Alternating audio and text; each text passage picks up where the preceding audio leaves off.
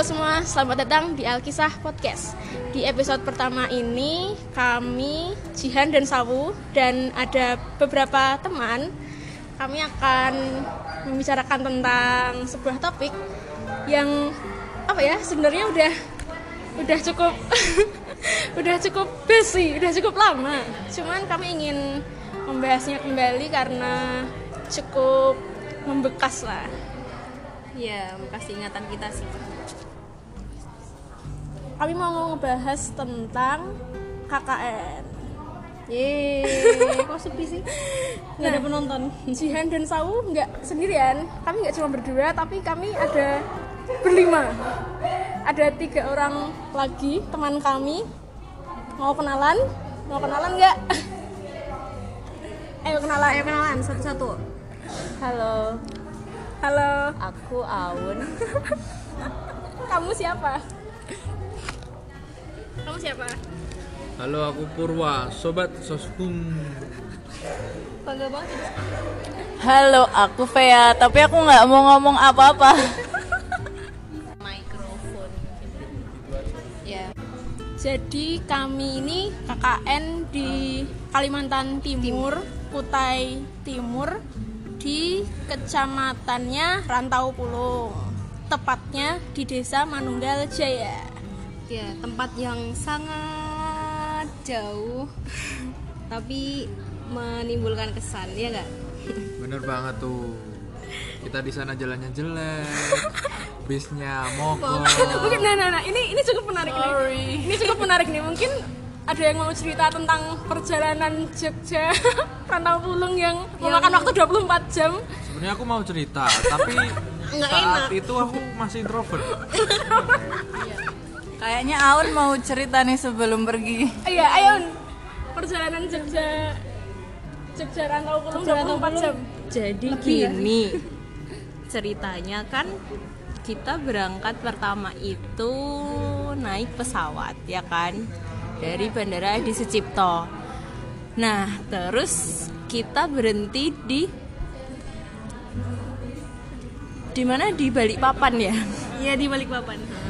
Di Balikpapan. Terus habis itu rencananya dari Balikpapan ke Manunggal Jaya itu kita naik bis. Kan udah sewa bis. Iya. Dan bener tuh naik bis, tapi ternyata bisnya itu kapasitasnya mepet dan nggak cukup untuk bawa koper. Terus akhirnya harus tambahan sewa mobil untuk bawa koper.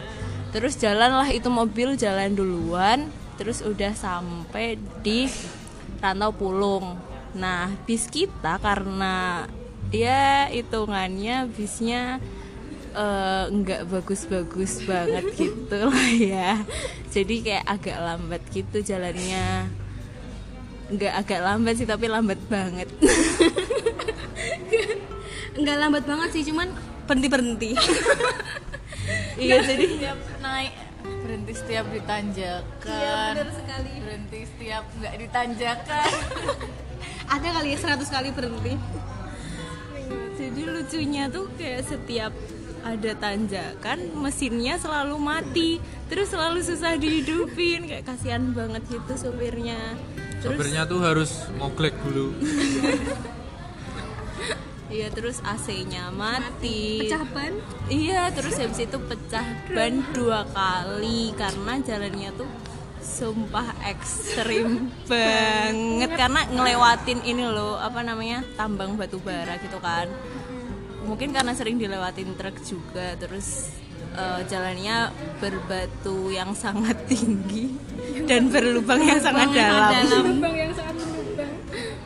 Lubang bekas kalian tambang kali ya itu. ya terus akhirnya di pecah ban yang terakhir frustasi lah itu sopir karena ban cadangannya udah dipakai waktu pecah ban yang pertama. Padahal itu posisinya di tengah hutan nggak ada sinyal. Terus sekitar jam sekitar jam jam dini 2 hari. pagi ya dini hari. Terus akhirnya ada yang naik ke bukit buat cari sinyal telepon telepon ini orang yang ikut mobil yang bawa koper tadi terus akhirnya udah telepon terus eh, ngabarin kepala desa ya. Terus akhirnya eh, kepala desa bertindak. Wih. kepala desa nyariin masa untuk jemput kita pakai mobil. Terus kasihan banget supirnya ditinggal di situ sambil nungguin montir. Dan kita bahkan nggak nanyain kabarnya ya. iya dan bahkan kita nggak nanyain kabar. Terus katanya tuh sampai siang Masih bisnya di masih di sana kasihan banget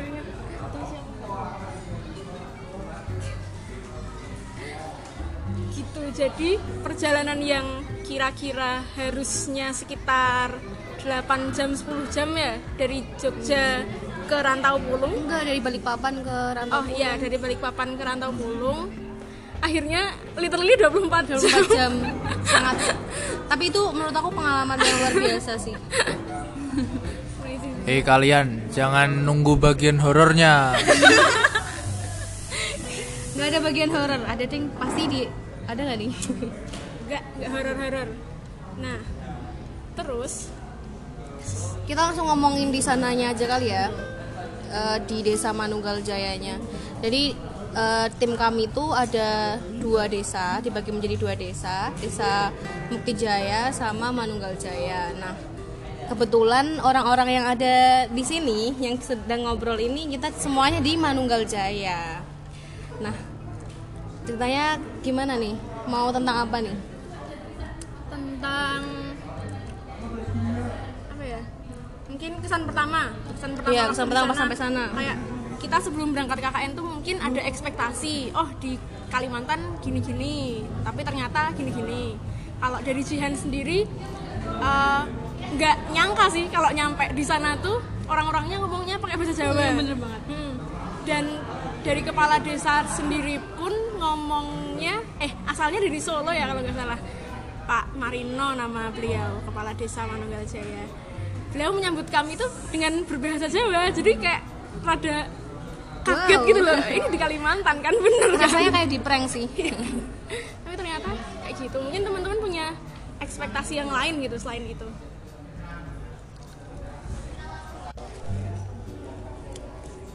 Kalau kesan pertamaku,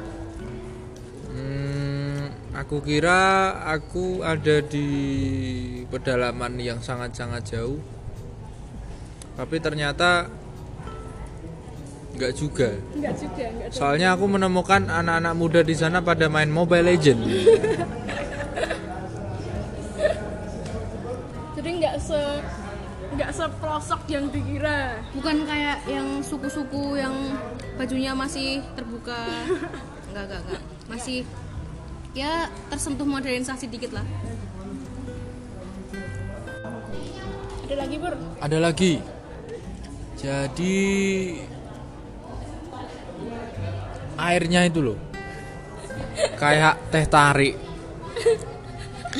Jadi airnya itu coklat. Ya gitu. Bikin tubuh kita coklat semua. Enggak, enggak bikin coklat sih, cuma jadi bau besi ya enggak sih? ya. dan bikin baju coklat juga Iya benar sih. Yang putih jadi berwarna. bikin kulit coklat juga eh bukan deng itu matahari itu matahari yang bikin coklat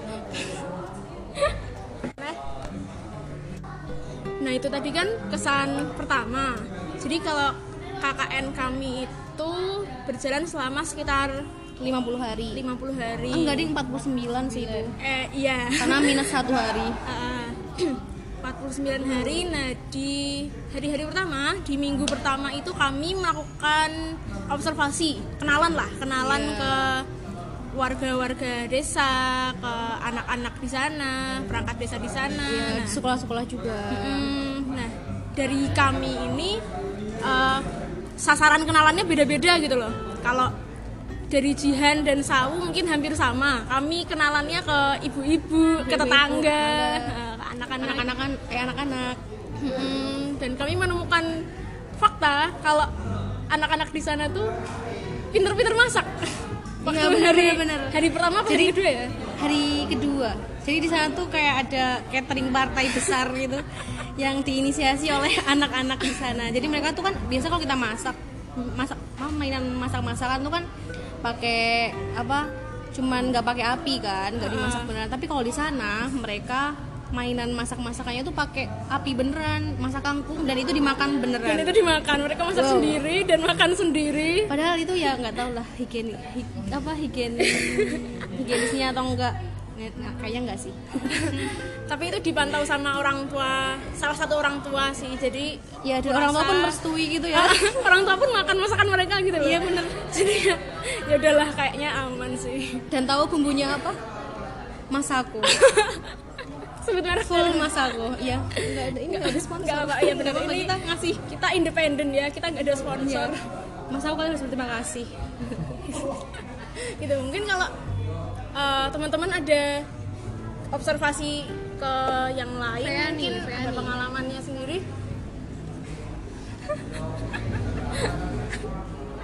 Cara. Di- kalau perlu ada nggak Kalau Purwa sama teman-teman cowok biasalah ya agak eh, berbeda observasinya Eh, dibandingin Sawu, Vea sama Jihan. Kalau Purwa sendiri ada Rifan, ada Raka, ada Romi, ada Amal.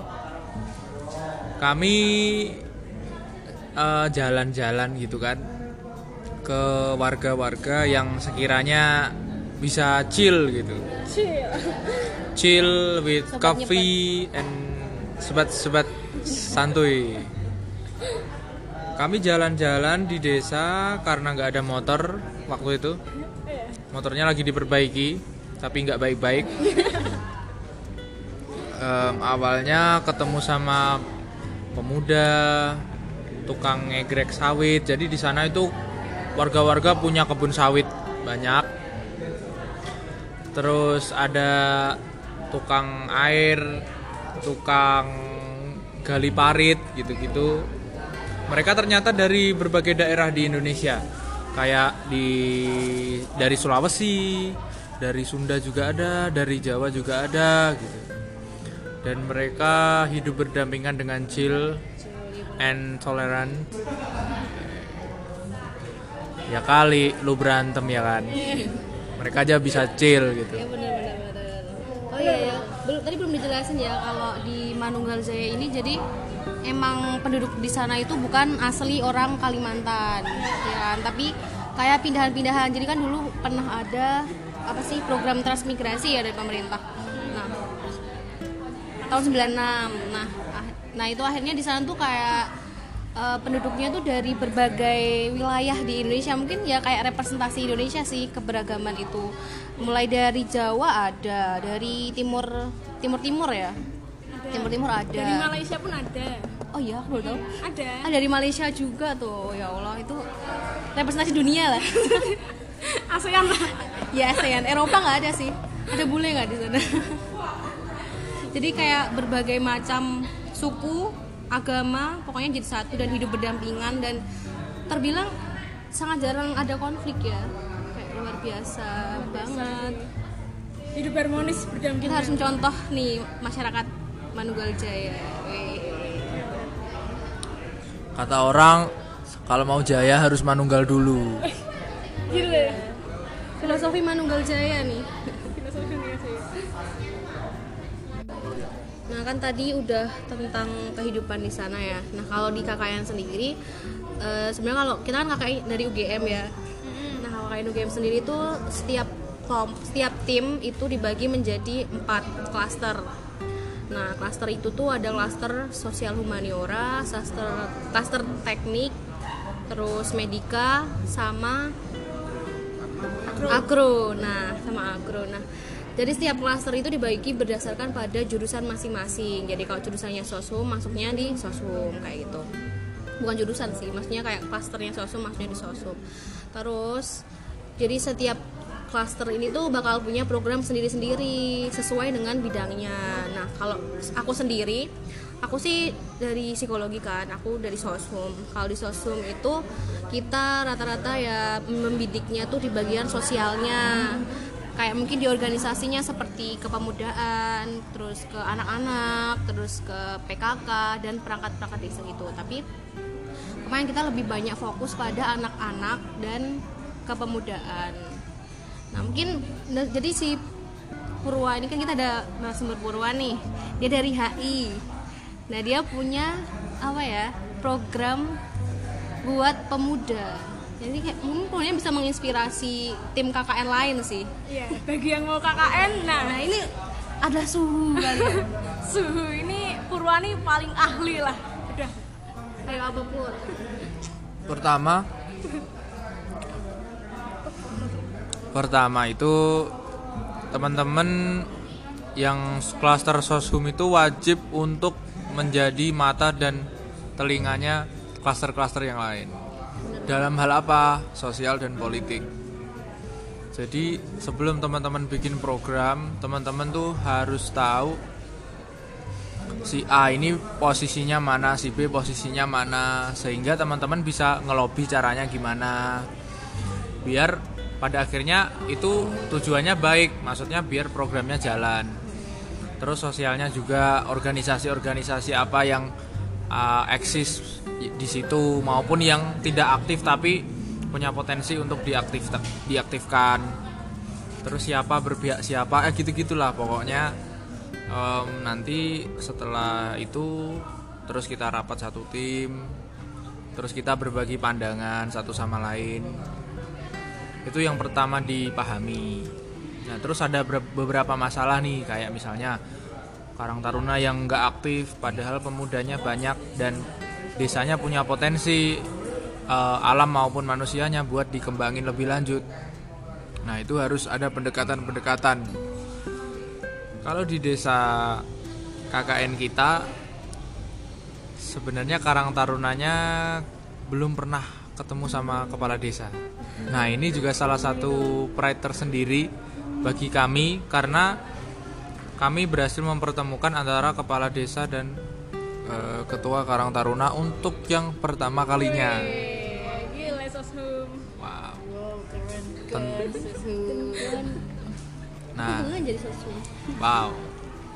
Tapi sebelumnya itu uh, ada proses yang panjang ya. Dari sebelumnya per- sebelum pertemuan itu. Misalnya kita ketemu sama uh, Karang Tarunanya, mendengar uh, aspirasi Karang Tarunanya satu dua tiga kali pertemuan, terus baru sampein lagi ke kepala desa satu kali dua kali kepala desanya mau kayak gimana. Terus balik lagi lempar ke Karang Taruna ternyata kepala desanya mau begini gitu.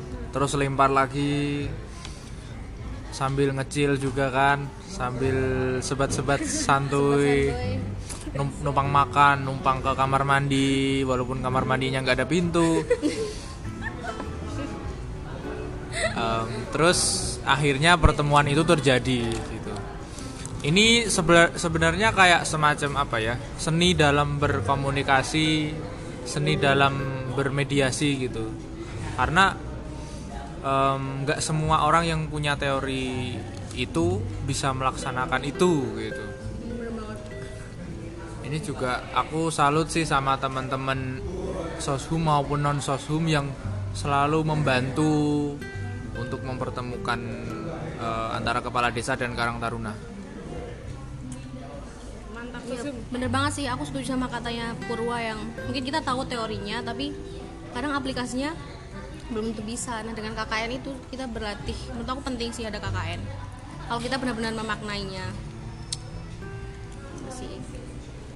Kalau buat Saintek sendiri, nah ini cuma Jihan ya yang dari Saintek di antara empat orang. Tadi sebenarnya Aun dari Saintek, cuman karena Aun ada keperluan jadi harus pulang duluan. Nah kalau di Saintek itu Jihan kemarin dan teman-teman dari teknik terutama dan dari geografi kami eh, program kerjanya tuh yang paling menonjol adalah penomoran rumah. Nah, sebenarnya nggak nggak kami rencanakan di awal kan kalau kami sudah buat timeline.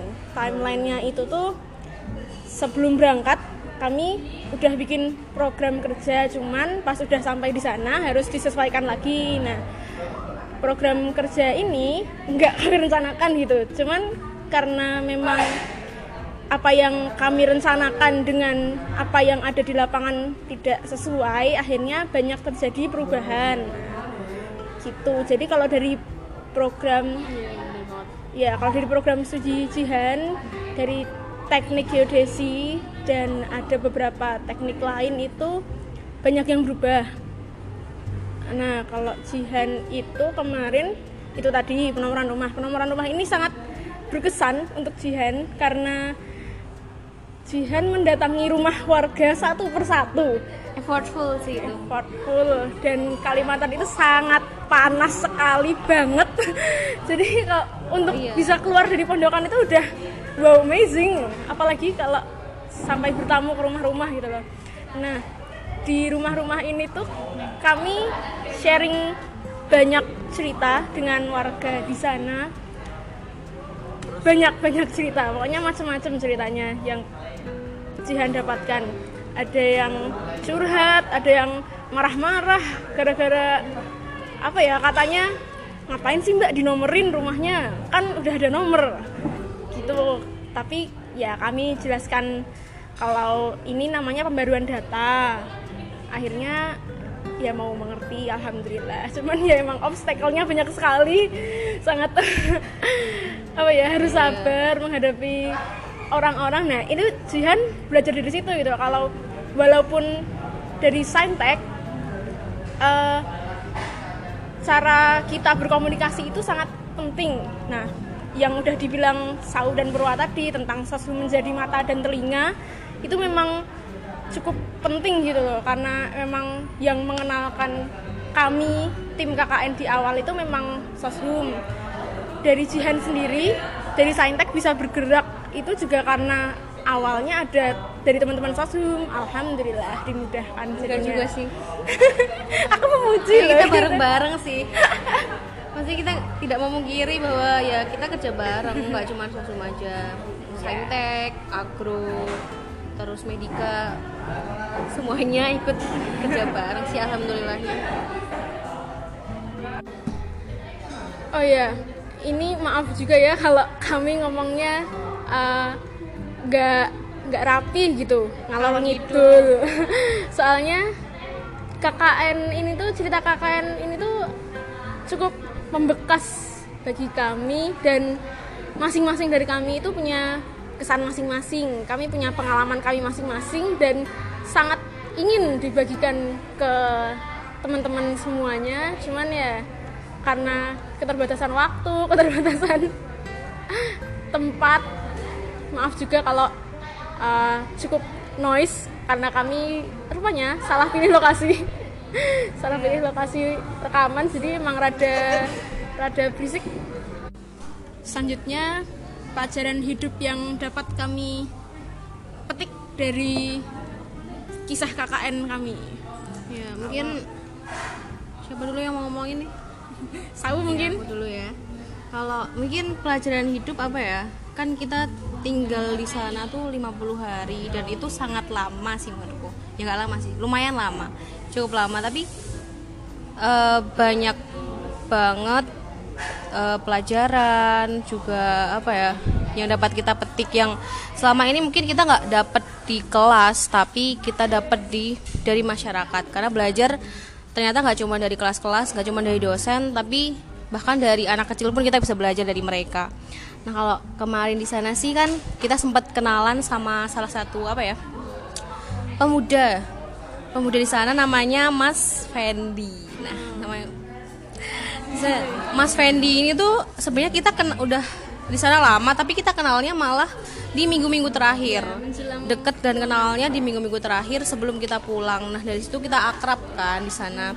Nah kita cerita ternyata dia sebenarnya tuh punya semacam project atau semacam emang keinginan dia pengen membangun suatu taman baca di Manunggal Jaya. Nah, tapi eh, kekurangannya dia tuh sebenarnya udah punya modal buku banyak, tapi dia nggak ada apa ya SDM, SDM kali ya, nggak ada SDM untuk eh, membantu merealisasikan mimpinya itu. Nah, akhirnya lewat KKN kemarin, akhirnya kita bareng-bareng bikin kayak semacam apa ya? Gerakan membaca. Gerakan membaca yang Iya. premier. Premier ya yang pertama kali banget di Manunggal Jaya. Nah akhirnya bikin latu gerakan di sana. Nah aku ngelihatnya sih kayak masih banyak loh orang yang tulus.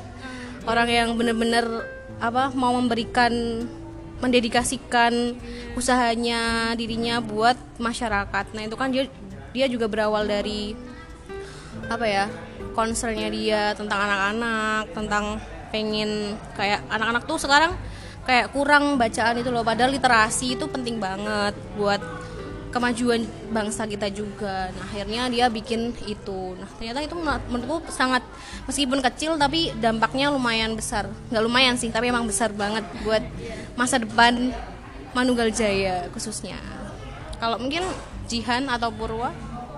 Kalau Jihan em amazed dengan ini sih toleransi di sana. Tadi kan udah dijelasin di awal ya kalau di Manunggal Jaya tuh orang-orangnya latar belakangnya beda-beda transmigran dari daerah-daerah yang berbeda. Bahasa sehari-hari mereka pun kecampur-campur gitu loh. Bahasa Jawa ya campur eh, logatnya Kalimantan kah campur ke timur-timuran gitu jadi emang ngomongnya aja udah campur-campur gitu. Tapi eh, anak-anaknya sih terutama.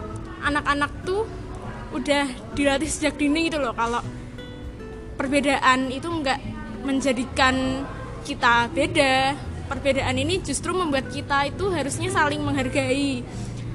Dan anak-anak di sana sangat paham dengan itu. Beda dengan masa kecil Jihan yang ya Jihan waktu kecil dari awal sekolah TK sampai kuliah ini nih ada di Jogja terus kayak ya udah kenalnya cuma di circle orang-orang Jogja. Dan jadi nggak nggak seberapa ngerti loh tentang itu sampai akhirnya ke Manunggal Jaya ngelihat kondisi pluralisme di sana seperti apa sedemikian rupa. Akhirnya Jihan jadi sadar gitu kalau anak-anak ini keren mereka keren gitu karena bisa saling menghargai saling menyayangi saling peduli dan itu keren sih untuk anak-anak seumuran mereka kalau Purwa Kami ketemu sama Pak Parno. Beliau udah umur 60-an, pekerja keras. Beliau petani eh, gaharu. Gaharu itu kayu mahal yang baunya wangi, komoditas ekspor Indonesia. Terus beliau juga mem- apa ya, usaha pembibitan sawit juga. Terus beliau pernah cerita kalau sebenarnya dari dulu warga sana itu kalau ngurus kartu keluarga, ngurus KTP, ngurus akta kelahiran, itu ada orang atau oknum yang memanfaatkan itu untuk bisnis. Soalnya desa itu pelosok, artinya jauh dari kota di mana eh, tempat untuk ngurus administrasi itu ada gitu. Nah, orang-orang ini kayak jual jasa gitu atau calo supaya warga ini nggak perlu ngurus ke kota cukup di dia gitu nah Pak Parno ini malah rela untuk ke kota jauh-jauh eh, untuk eh, menampung permintaan-permintaan warganya. Dan dia rela ngurus tanpa ada imbalan apa pun gitu. Dia hanya minta uang bensin gitu. Dan Pak Parno pesan ke kami Em, ada dua sisi Pak Parno. Pak Parno sebagai pekerja dan Pak Parno sebagai pengabdi. Nah, Pak Parno beli beri pesan ke kita kalau kerja nggak apa-apa em, mikirin gaji mikirin keuntungan gitu. Tapi kalau ngabdi harus benar-benar dari hati yang melayani gitu. Jadi mana kerja mana ngabdi itu harus dibedain gitu. Dan Pak Parno selalu bilang ngabdi itu imbalannya surga yang ada di dunia. Gitu. kita kan tanya kok bisa Pak? Gitu. Nah Pak Parno ini bilang kalau iya setelah saya ngurus-ngurus ngurusin administrasinya warga itu saya disapa warga ketika saya lewat di depan rumahnya terus dikasih kopi itu bagi saya surga gitu. Jadi surga itu menurut Pak Parno bukan yang di jauh sana tapi ketika kita berbuat baik surga itu datang dan dekat di dunia. Luar biasa ya. Kata-kata Pak Parno. Oh kalau belum ketemu. Udah ketemu belum sih? Belum ya aku. Belum kenalan sih aku sama Pak Parno. Luar biasa. Ternyata selama 50 hari ini kita dapat banyak banget pelajaran pengalaman yang mungkin sangat buat teman-teman sangat membekas sekali hingga akhirnya baik dari kita sendiri juga kayak gimana ya menginspirasi kita untuk hidup jadi lebih berarti. jadi lebih berarti lagi karena luar biasa sekali.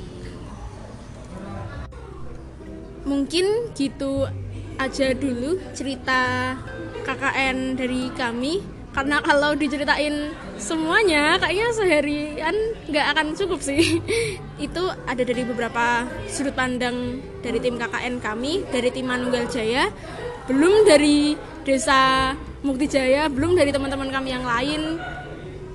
Tapi eh, yang ingin kami sampaikan adalah semoga teman-teman selalu mendapat pelajaran dari apa pun yang teman-teman lakukan mau itu KKN kah atau KKL semoga apa yang teman- teman-teman lakukan itu tuh ikhlas gitu sehingga teman-teman akan mendapatkan pelajaran yang berarti ya bener banget gitu. dan semoga apa yang Jihan dapatkan, apa yang Sawu Purwa ceritakan ini pesannya nyampe gitu ke teman-teman soal pengabdian warga di sana, soal ketulusan orang-orang di sana terhadap kami. Semoga teman-teman bisa ngambil maknanya. ya ya mungkin absurd ya kita tadi. Iya, maaf banget kalau kita absurd dan gak jelas. Iya. Ngalor ngidulnya.